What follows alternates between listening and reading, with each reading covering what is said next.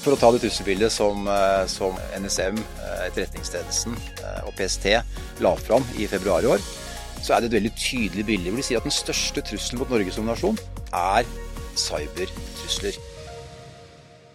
Velkommen til Sisko og podkasten 'Digitalisering for ledere'. Mitt navn er Leiv Sundsbø, og sammen med spennende og kunnskapsrike gjester skal vi bevege oss i skjæringspunktet mellom virksomhetsledelse og teknologi.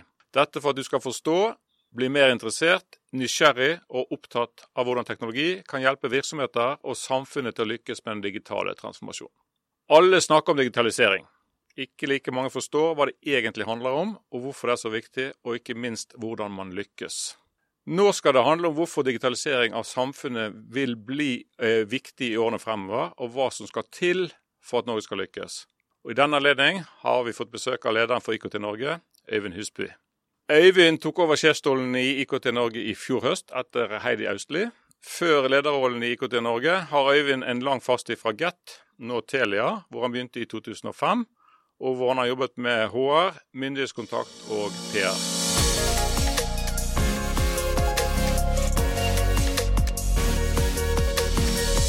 Velkommen skal du være, Øyvind. Tusen takk. Og eh, gratulerer med ny jobb, dersom det er lov å si det etter seks måneder. Ja, jeg syns det. Ja. Takk for det. Før vi hopper rett inn på dagens tema, som er digitalisering, så tenkte jeg kan ikke du si litt om IKT Norge? Altså, IKT Norge er jo, det er jo ikke en arbeidsgiverorganisasjon, det er en interesseorganisasjon. Kan ikke du si litt hva som, hva som ligger i det, og hvordan, hvordan dere jobber? IKT Norge er jo en, en uavhengig interesseorganisasjon uh, for IKT-bedrifter.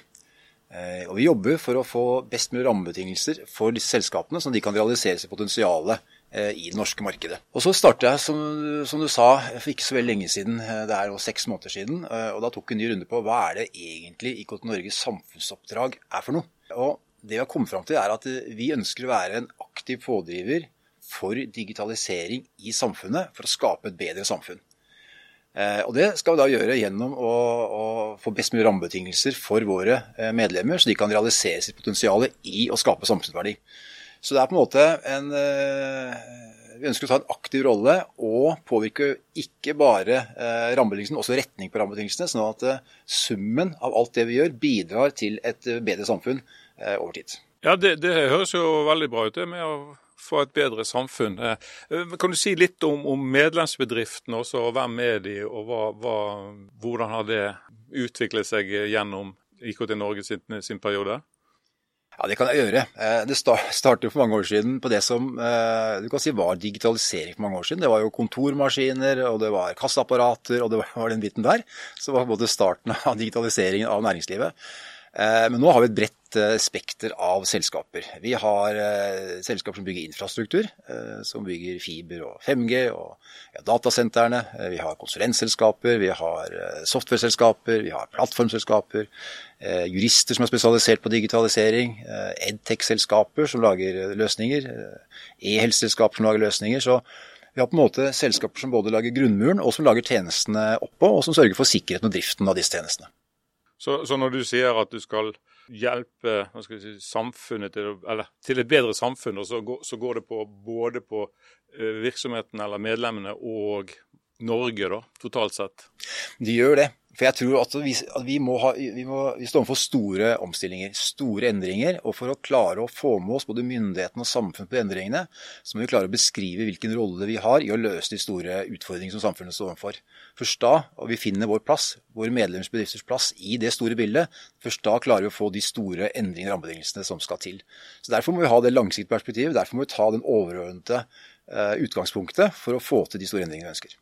Så da går vi over til eh, kanskje ikke det enkleste eller det vanskeligste, men, men, men, men, hva legger du i begrepet digitalisering? da? Og hvorfor tenker du det er viktig at, at dagens ledere er bevisst på hva den digitale transformasjonen betyr? Ja, og Det er ikke sånn helt enkelt spørsmål som man kanskje skulle tenke seg. Jeg startet å si at eh, For mange år siden så var digitalisering kassaapparater. kassapparater. Man gikk, fra, gikk over fra penn og papir til man hadde, man digitale kassaapparater og, og kontormaskiner. Fikk faks, og vi fikk etter hvert eh, kopimaskiner og skanningmaskiner, og det var digitalisering.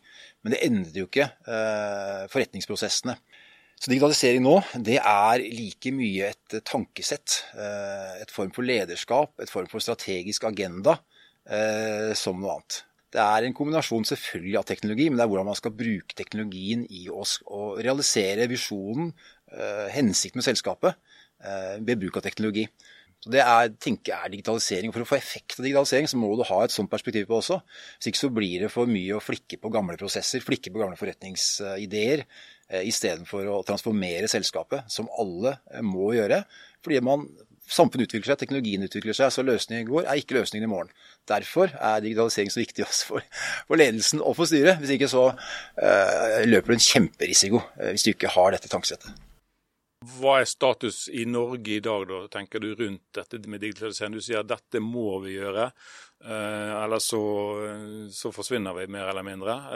Hva, hva er ditt perspektiv, eller IKT Norge sitt perspektiv på hvor er vi kom, hvor langt har vi kommet med digitalisering i Norge?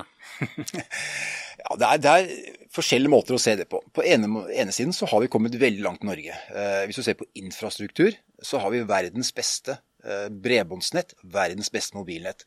Som er ganske utrolig hvis du ser på hvordan Norge eh, ser ut i forhold til befolkning, i, forhold til geografi.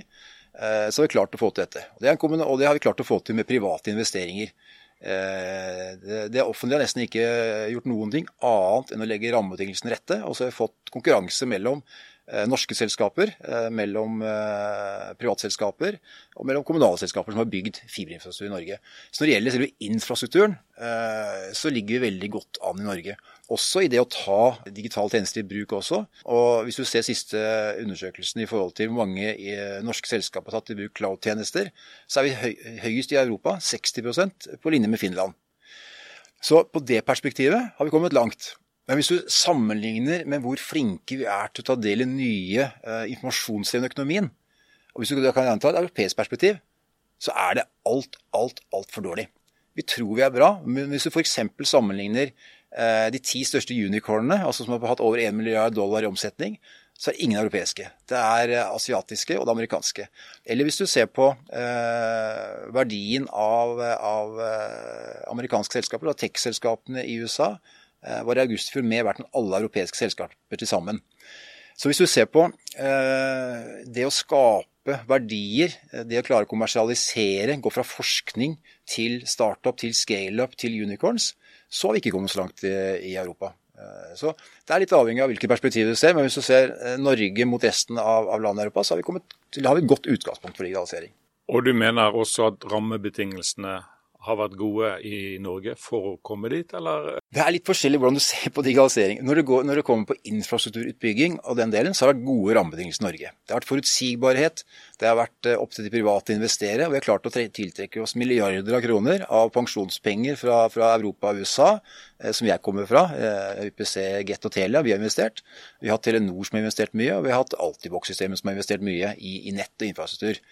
Men når det går, gjelder rammebetingelser for å kommersialisere tjenester, eh, for å vokse, for å skalere, så har ikke de vært gode nok. Det har ikke vært god nok satsing i virkemiddelapparatet, har ikke vært fokusert nok. Vi har ikke vært flinke nok til å markedsføre norsk teknologi i utlandet.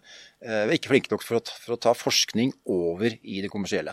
Så, så, det er litt avhengig av hvilket perspektiv du har, hvor flinke vi har vært på dette her.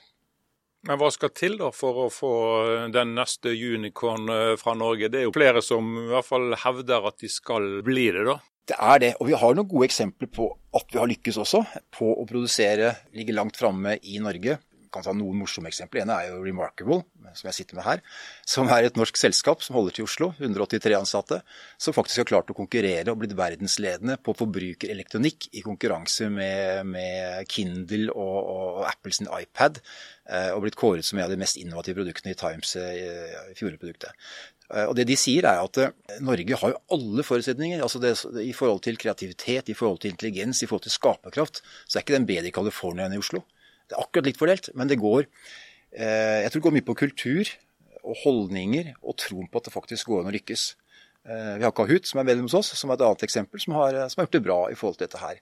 Eh, så det er nok en kombinasjon både av, av, kultur og holdninger, og det å klare å få finansiert også prosjekter, og også selskaper i Norge. Og det har også Et annet aktuelt eksempel er, jo, er jo, Cisco sin videoteknologi, og, og, måten man faktisk har klart å være verdensledende i Norge på en av teknologiene som har fått oss gjennom pandemien hele verden også, eh, som er også et veldig godt eksempel på hvordan vi absolutt har muligheten til å bli verdensledende. og Vi trenger ikke å si at vi skal bare drive med noen støttefunksjoner. Vi kan ha både produksjon, utvikling og design i Norge eh, hvis vi får de rette rammebetingelsene, rette miljøene, rette clusteren på oss.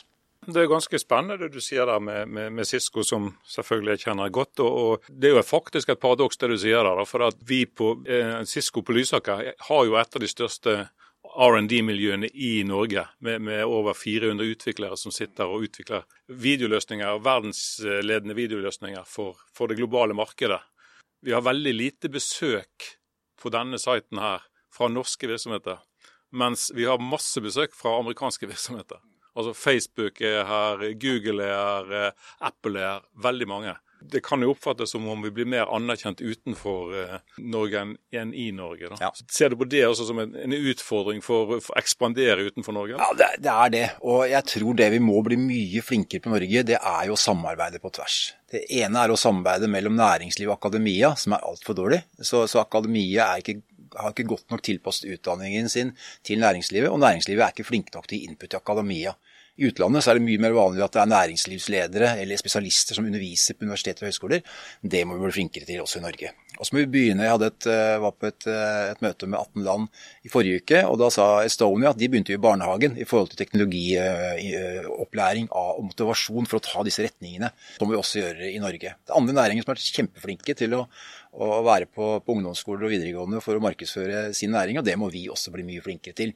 For å klare å skape det miljøet, for å klare å få folk og norsk ungdom til å utdanne seg til, til det løpet her. Og så er det som du sier at eh, vi må bli flinkere også til å dele erfaringer mellom oss. Norge er et lite land med små forskjeller, og, og, og dugnadsånd er norsk. Dugnad er norsk, så vi må bli flinke til å ha det i bruk også mellom selskaper, mellom selskaper og, det offentlige, for å klare å utvikle eh, de tjenestene og klare å lære av hverandre. Så der har vi nok eh, mye å gå på i forhold til samarbeidet for å klare å utvikle dette. Det er jeg helt, eh, helt, enig med, og vi kommer også litt tilbake til det litt senere, Øyvind, rundt, rundt kompetanse. Vi er straks tilbake.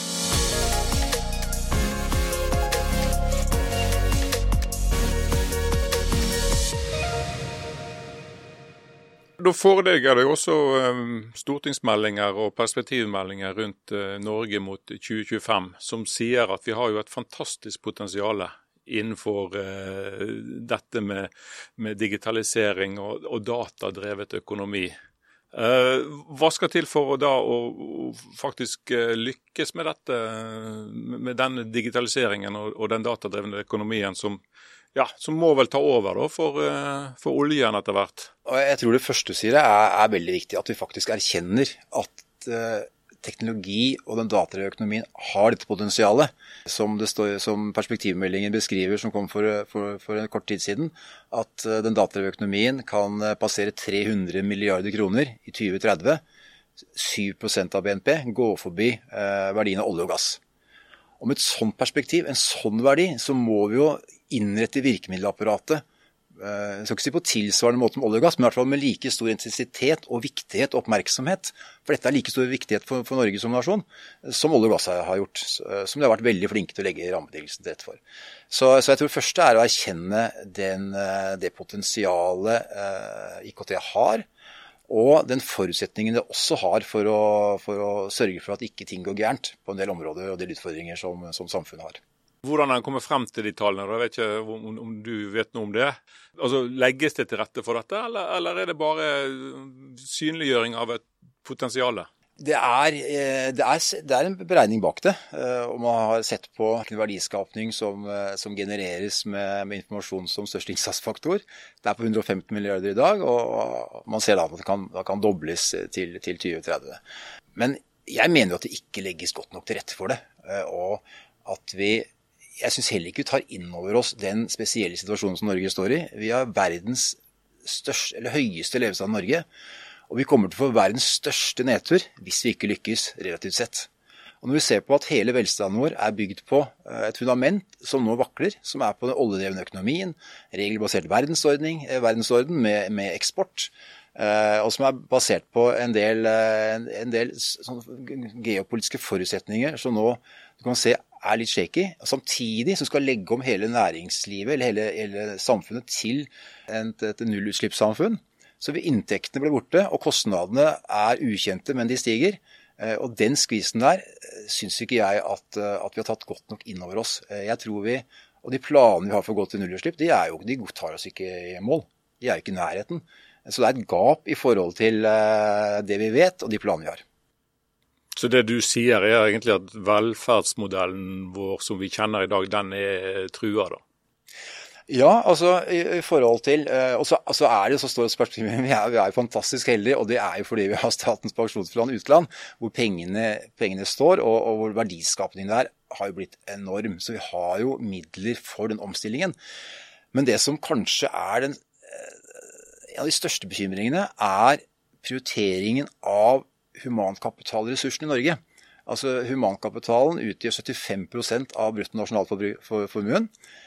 Og når du ser på hvordan innsats vi trenger av den humankapitalen for å lykkes eh, med å, ta del i den nye økonomien, da, eh, som går på å utdanne, både etterutdanne, videreutdanne, livslang læring og nye studieplasser, så syns ikke jeg at vi legger til rette og tar, gjør de nødvendige prioriteringene eh, for å få samfunnet i den retningen. De midlene eller de prioriteringene som vi gjør i forhold til utdanning, ikke er spisset nok eller rettet nok inn mot den nye økonomien? da? Ja, det er riktig. Det er for få studieplasser. Eh, og det er, eh, hvis du ser på verdiskapning per IKT-ansatt, eh, så er den ikke like høy som oljeansatte.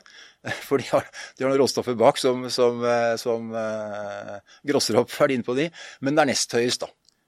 Så skal du prioritere utdanning, prioritere hvor ungdom bør jobbe i forhold til nytteverdi for samfunnet, så bør man prioritere IKT-utdanning og relaterte virksomheter rundt det foran veldig mye annet. Men det, men det, begynner å haste litt, da. Vi, det tar jo noen år å komme gjennom den utdanningen også. da. Så, så, hvis vi skal ikke bli forhengende for langt bak, så må vi jo speede opp, da. Vi må speede opp. Og, det, er, eh, det er en, en bekymring på mange områder, syns jeg, at vi tror vi har så god tid. Eh, og vi tror at eh, dette kommer til å gå bra uten at vi gjør noe. Mange syns det er større risiko ved å ta en beslutning enn å ikke ta en beslutning, men veldig ofte så er det mye større risiko ved å ikke ta beslutningen. Og når det gjelder, eh, gjelder, utdanning og prioritering av hvor vi ønsker at ungdom skal ta utdanningen, utdanningen så vi, mener jeg vi har dårlig tid. Og løsningen er? Løsningen er jo at vi må ha en, en kraftig oppgave oppgradering av hele samfunnet når det gjelder IKT. Det går på eh, etterutdanning eh, av de som allerede er i arbeid. Det går på videreutdanning eh, og legge til rette for det. Og det går på flere studieplasser for ungdom. Det vi ser nå, at ungdom med, som ønsker å jobbe i IKT-industrien, som, som, kanskje har 5,1 i snitt, ikke kommer inn. Og så velger de kanskje annet valg som er historie eller andre ting, hvor, vi, hvor samfunnet har klart å lage nok studieplasser. Og Det er bra med historie, men det er ikke, det er ikke der vi må få liksom det store trekket på utdanningen. Det er innen IKT, det er innen cyber, det er innen ja, alle disse områdene. Eh, og Da må vi klare å legge om, slik at vi klarer å tilby ungdom det de faktisk ønsker, og som samfunn trenger. Det, det fremkommer jo stadig vekk det i, i medier hvor utsolgt vi er på IKT-kompetanse, da, og, og, kanskje spesielt sikkerhetskompetanse. Og Det er jo også Eh, hvis vi skal skifte litt, så er jo det litt av utfordringene med digitaliseringen også, da, hvor, f.eks. NSM sier at, at, det digitale risikobildet er skjerpet. Vi leser i, fra Riksrevisjonen sine rapporter om dataangrep i kraftforsyningen som kan få katastrofale følger for samfunnet. Vi leser om eh, helsedata på avveie osv., hvor enkelt det er å få tilgang til det. Hva, hva er ditt eh, syn på det rundt eh, sikkerhets... Ja, sikkerhetsutfordringene da, i, i, et digitalisert samfunn? De er store, og de er økende. Og For bare ta et par perspektiver på det. Hvis, eh, og, du, og, du, har et trusselbilde som er sammensatt. For å ta det trusselbildet som, eh, som NSM, eh, Etterretningstjenesten og PST la fram i februar i år, så er det et veldig tydelig bilde hvor de sier at den største trusselen mot Norge som nasjon er cybertrusler. Det er spionasje mot Stortinget, det er påvirkning av demokratiske prosesser. Det er underbygging av Norges eh, omdømme. Og det er direkte angrep på økonomien til Norge. Og Så sier de også tre land som står, kommer til å stå bak dette. Det er krystallklar, eh, overraskende klar beskrivelse av trusselbildet mot Norge. Og På det bakteppet, når du ser hva som har skjedd, så blir det enda mer alvorlig, tenker jeg. Og så har du det som de ikke så tydelig beskrev, men det er jo eh, som også har vært kommet, det har vokst fram, særlig kanskje de siste ja, de siste to årene. Og det er den organiserte cyberkriminaliteten. Ca. 110 millioner eh, kroner i minuttet eh, består cyberkriminaliteten av.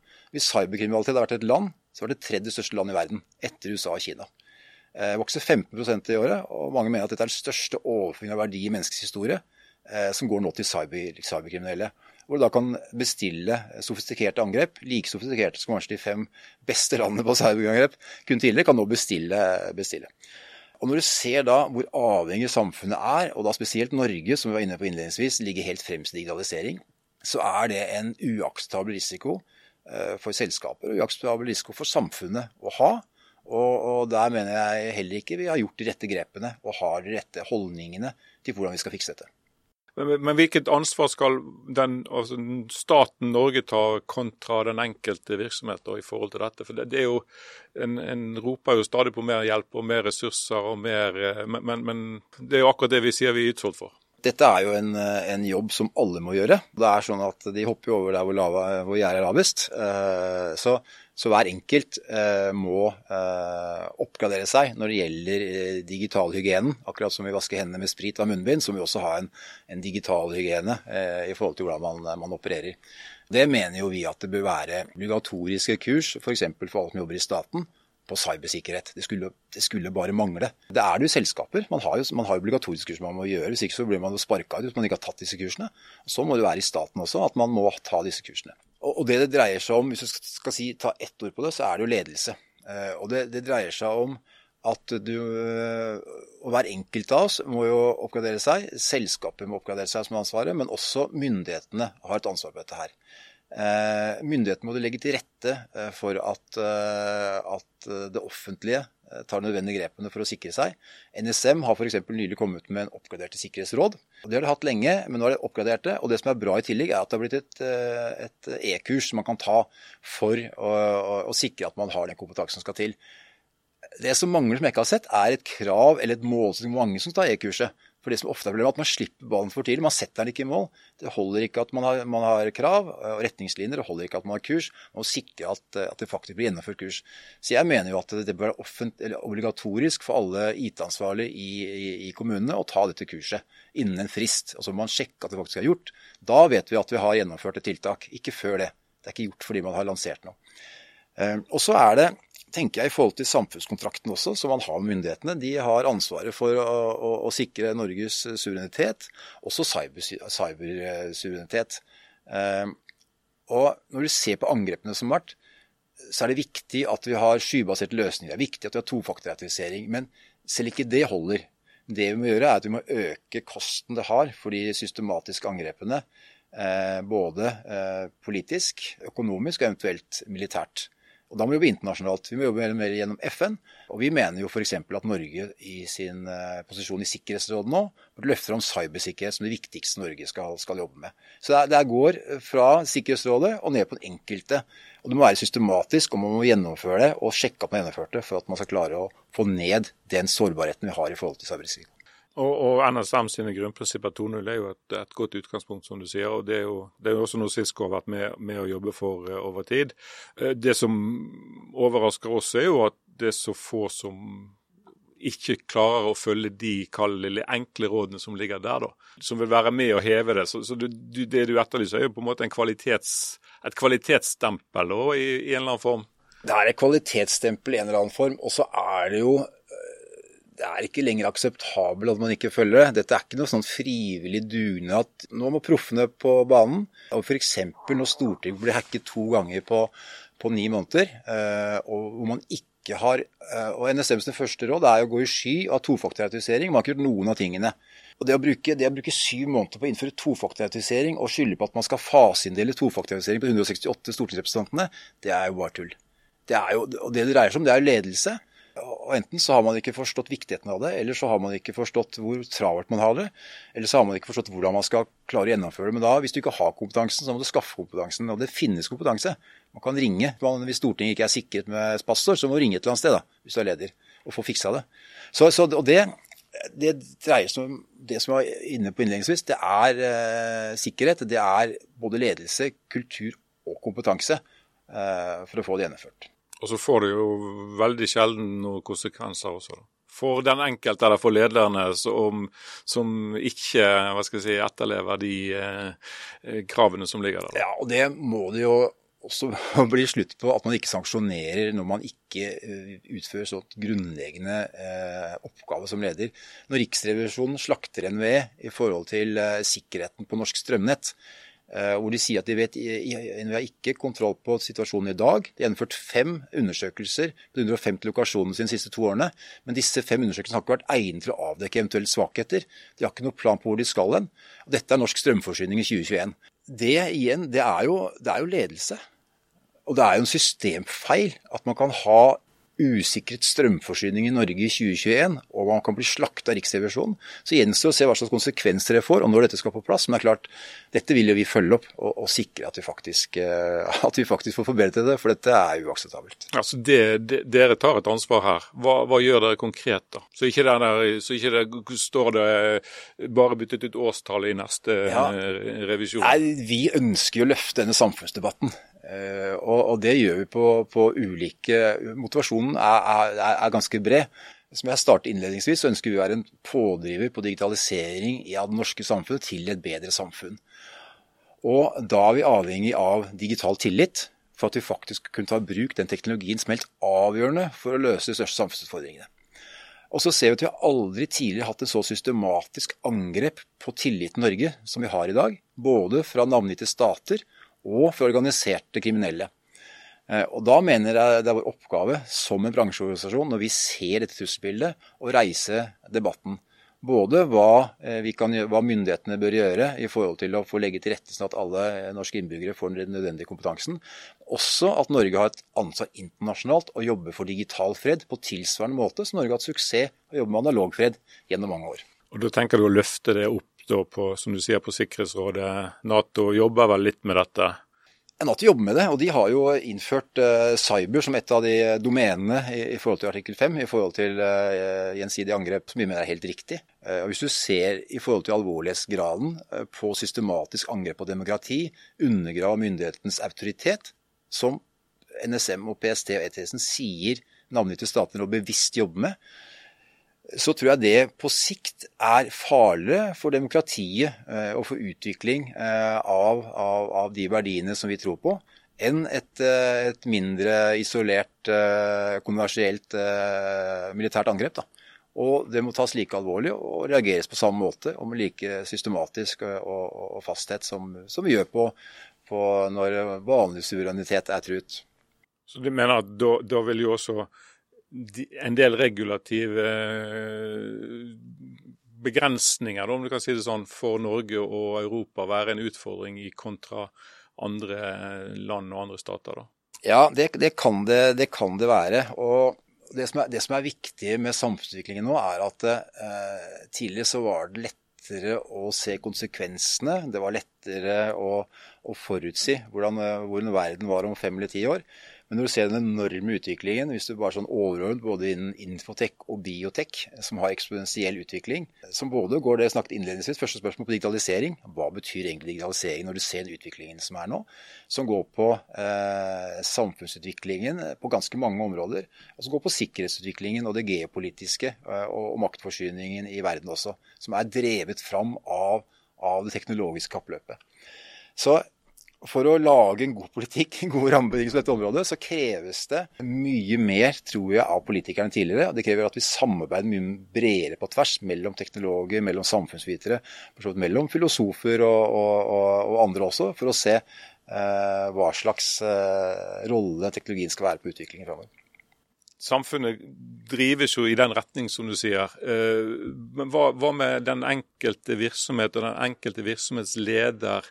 Eh, og hva skal jeg si, et, et styre som skal drive òg i den samme retningen. Altså Norge består av 99,5 eh, små, små virksomheter som er opptatt av sin, sin, eh, lille, sin lille, bedrift. Ja. Hvordan skal de være med å drive dette sammen med, med Norge? Det er, det er, litt av de samme prinsippene som, som det på en måte alltid har vært. at du, du Altså, Du begynner med styret, eh, og, det, og det er, oppgaven der er å sette sammen et riktig team. Så Først må du sette sammen riktig styre som har rett kompetanse.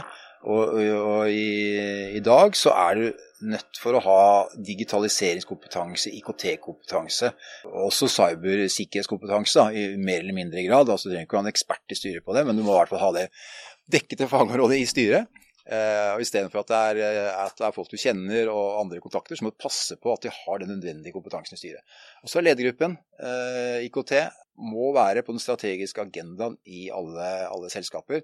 Og så skal du være litt forsiktig med å si 'i alle selskaper'. Altså, det er jo veldig forskjellig selvfølgelig fra selskap til selskap, næring til næring, hvor du er i livsløpet. Men da blir det litt sånn, litt sånn over, overskrifter på dette her. Og så må du sørge for at hele, hele organisasjonen også har nødvendig eh, kompetanse rundt dette her. For dette er fundamentalt i forhold til å, å utvikle eh, selskaper videre, videre framover. Og da, da, er vi jo litt tilbake til det du også nevnte rundt kompetansebiten. altså fordi at En ting er, det, en ting er si, ungdom og utdanning og, og hvilken retning de tar, men, men, å utvikle den digitale kompetansen innenfor ledelse og styre også, må jo også være en stor utfordring. da.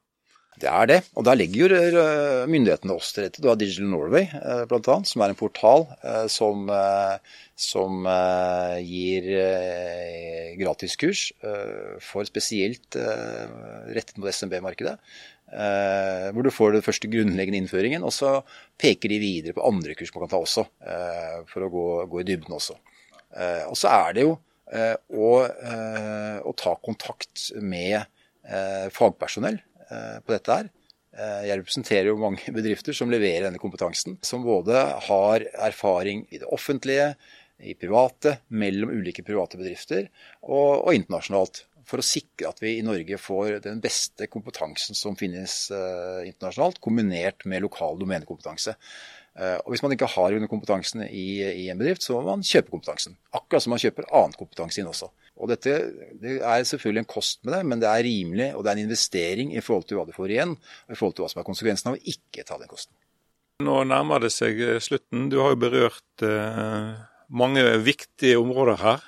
Hvis vi skal avslutte helt til slutt. altså Det, det du nevnte med, med oss, å opprettholde og styrke den digitale tilliten fremover, vil jo være ekstremt viktig.